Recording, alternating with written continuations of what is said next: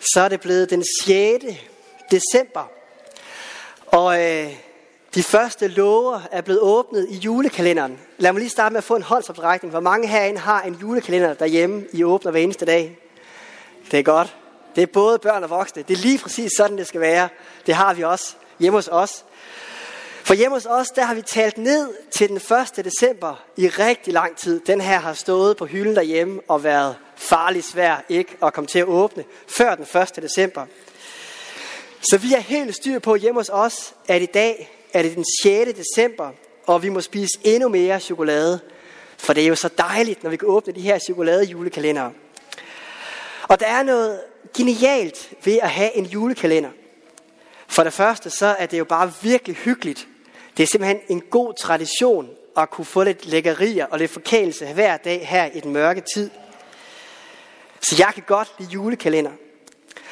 Og den anden grund til, at jeg synes, at en julekalender er genialt, er, at det hjælper os jo også til at være opmærksom på, at vi tæller ned for at blive klar til noget, der skal være rigtig godt og rigtig stort. Det er sådan en hyggelig måde at tælle ned til, at det snart bliver jul.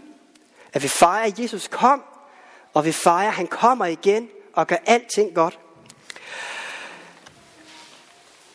Og i dag så har jeg taget tre særlige kalender med til jer, som vi lige skal snakke en lille smule om. Den ene kalender, det er den her, nemlig Bibelen. Og den anden kalender, det er en, I alle sammen har taget med herind, nemlig jeres hoved. Fordi det er den kalender, hvor vi skal løfte hovedet. I må godt lige prøve at gøre det og mærke, at I strækker i halsen. Løfte hovedet i forventning. Er det ikke dejligt at få lidt massage også sådan? Ah, det er den anden kalender. Og den tredje kalender, det er adventskransen, som I kan se her, hvor vi har tændt to lys. Men først Bibelen, den første kalender. For på en måde kan man godt sige, at Bibelen er en lang kalender, eller julekalender, om man vil. Den kræver lidt mere tålmodighed end de her 24 lover. Det vil jeg gerne indrømme. Men hele det gamle testamente er fyldt med en masse lover. Man kan også kalde dem løfter. Løfter, der fortæller, at Gud snart kommer til os. For han blev født i julen. Og han kommer, fordi han elsker os. Han har ikke glemt os. Han husker på os. Og han kommer til os igen. Og hvert løfte, der er i Bibelen, er lidt ligesom en love i en kalender, der fortæller, at Gud kommer snart til os. Så jeg kan godt lide at læse i Bibelen og tænke på det som en julekalender, der fortæller, at Gud er hos os. Og for små godbidder hver eneste dag, også fra Bibelens ord, det tror jeg er rigtig godt. Ikke kun i december, men i hele året. Så det var den første kalender. Og den anden form for kalender er den, hvor vi skal løfte hovedet. I må gøre det igen, så I ikke sidder og bliver trætte. Lige mærke. Løfte hovedet i forventning. Og det har faktisk noget at gøre med de ord, som Jesus siger i prædiketeksten, der hører til den her søndag i kirkeåret. Den tekst, der fortæller, at Jesus snart kommer igen, og vi skal løfte hovedet i forventning. Så nu må jeg gerne rejse og så skal vi høre evangelieteksten, der står i Lukas evangeliet, kapitel 21.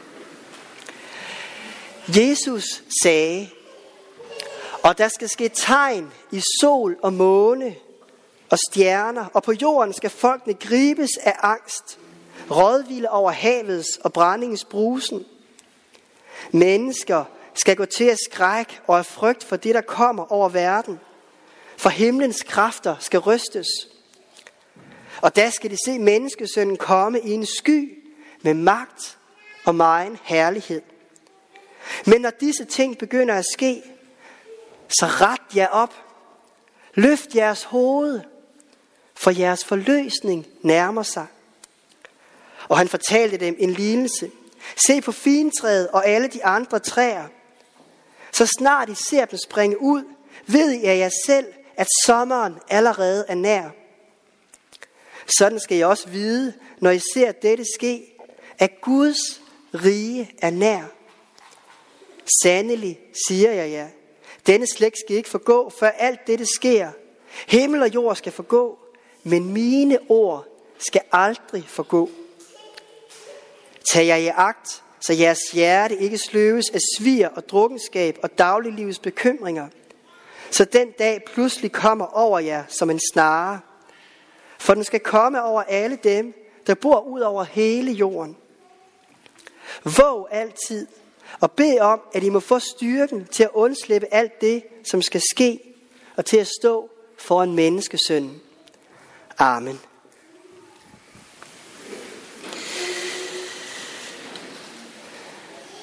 Sådan fortalte Jesus om nogle af de sidste lover, der skal åbnes i kalenderen, før Jesus han kommer igen. Og jeg vil gerne indrømme, at jeg synes ikke, det er det allermest hyggelige adventsstemning lige at læse sådan nogle ord. Måske er det næsten lidt skræmmende, og man kan blive lidt bekymret og bange, når man læser sådan nogle stærke ord. Men samtidig siger Jesus også, at vi skal løfte hovedet i forventning. Løfte hovedet og se op, for Jesus kommer. Han kommer i julen, og han kommer snart igen. Og jeg ved ikke med jer, men jeg har godt samtidig have den mørke vintertid. Kom til sådan at gå lidt med sænket hoved og kigge ned og være lidt trist. Og så er det jo fantastisk at høre Jesu glæde, at vi må løfte hovedet i forventning, for han kommer. Og han kommer også til dig, for han husker dig, og han kender dig, og han elsker dig. Og øh, nu er vi nået til den sidste kalender, vi skal se på i dag, nemlig adventskransen. Og vi har to flotte, der lyser her. Men jeg faktisk har jeg fået fremskaffet en helt særlig adventskalender, som I også skal se. Den kommer ind ad døren nu. Nu skal I se den.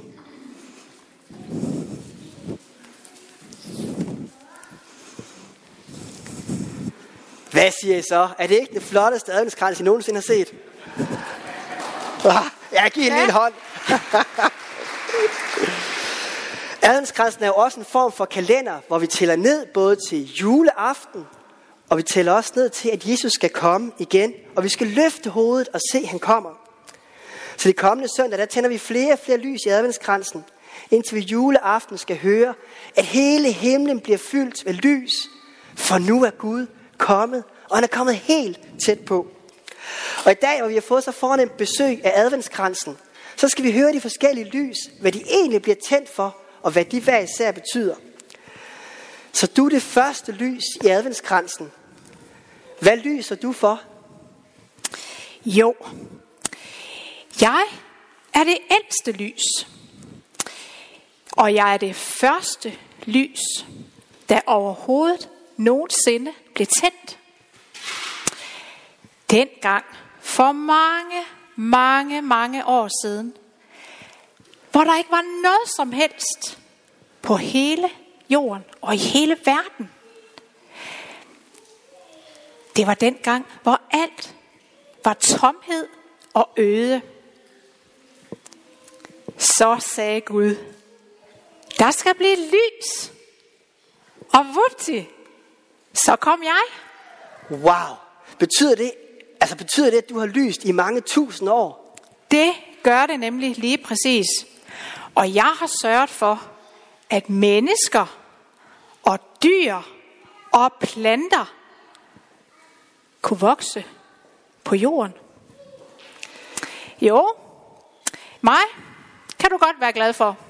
Det er sandelig også. Skal vi ikke sætte dig ned i øh, adventskransen?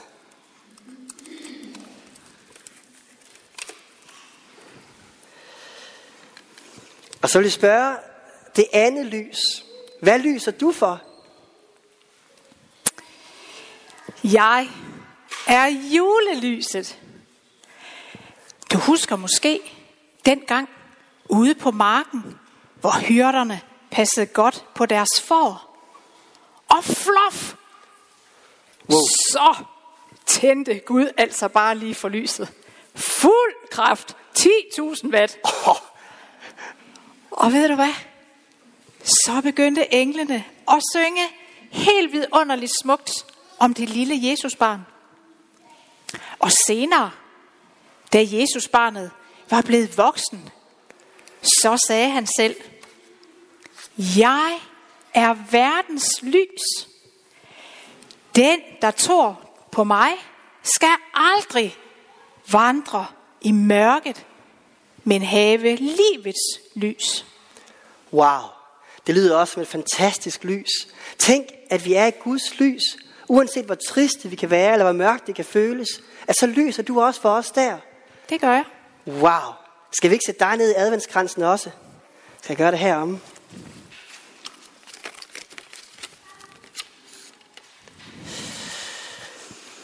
Og så vil jeg spørge, det tredje lys. Hvad lyser du for? Ja. Jeg lyser fra et sted, hvor der altid er mørkt. Wow. Hvad, hvad er det for et sted? Jeg lyser fra døden. For den eneste, der nogensinde har lyst helt op, helt ned i dødsriget, det er Jesus. Jeg er påskens lys. Jeg lyser for, at Jesus han opstod påskemorgen. Og alle, der tror på ham, ja, de skal helt ligesom Jesus opstå til evigt liv en dag. Det lyder da helt fantastisk. Tak for det tredje lys. Tak for, at du også lyser ned i mørket, hvor det føles allermest farligt. Skal vi ikke sætte dig ned i adventskransen også?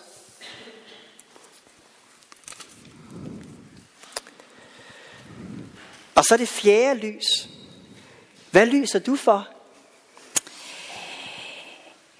Ja, egentlig, så kan du slet ikke se, hvor jeg lyser. Kan, kan jeg ikke se lyset? Jamen, hvad, altså hvad mener du med det? Jo, jeg er pinsens lys. Helligåndens lys. Og det lyser altid dybt inde i menneskers hjerte. Jeg lyser op på Jesus, som mennesker, både børn og voksne, de bliver glade og taknemmelige for Jesus. De hører om alt det fantastiske, Jesus han har gjort. Og pludselig, så tænder jeg lyset helt ind i deres hjerte.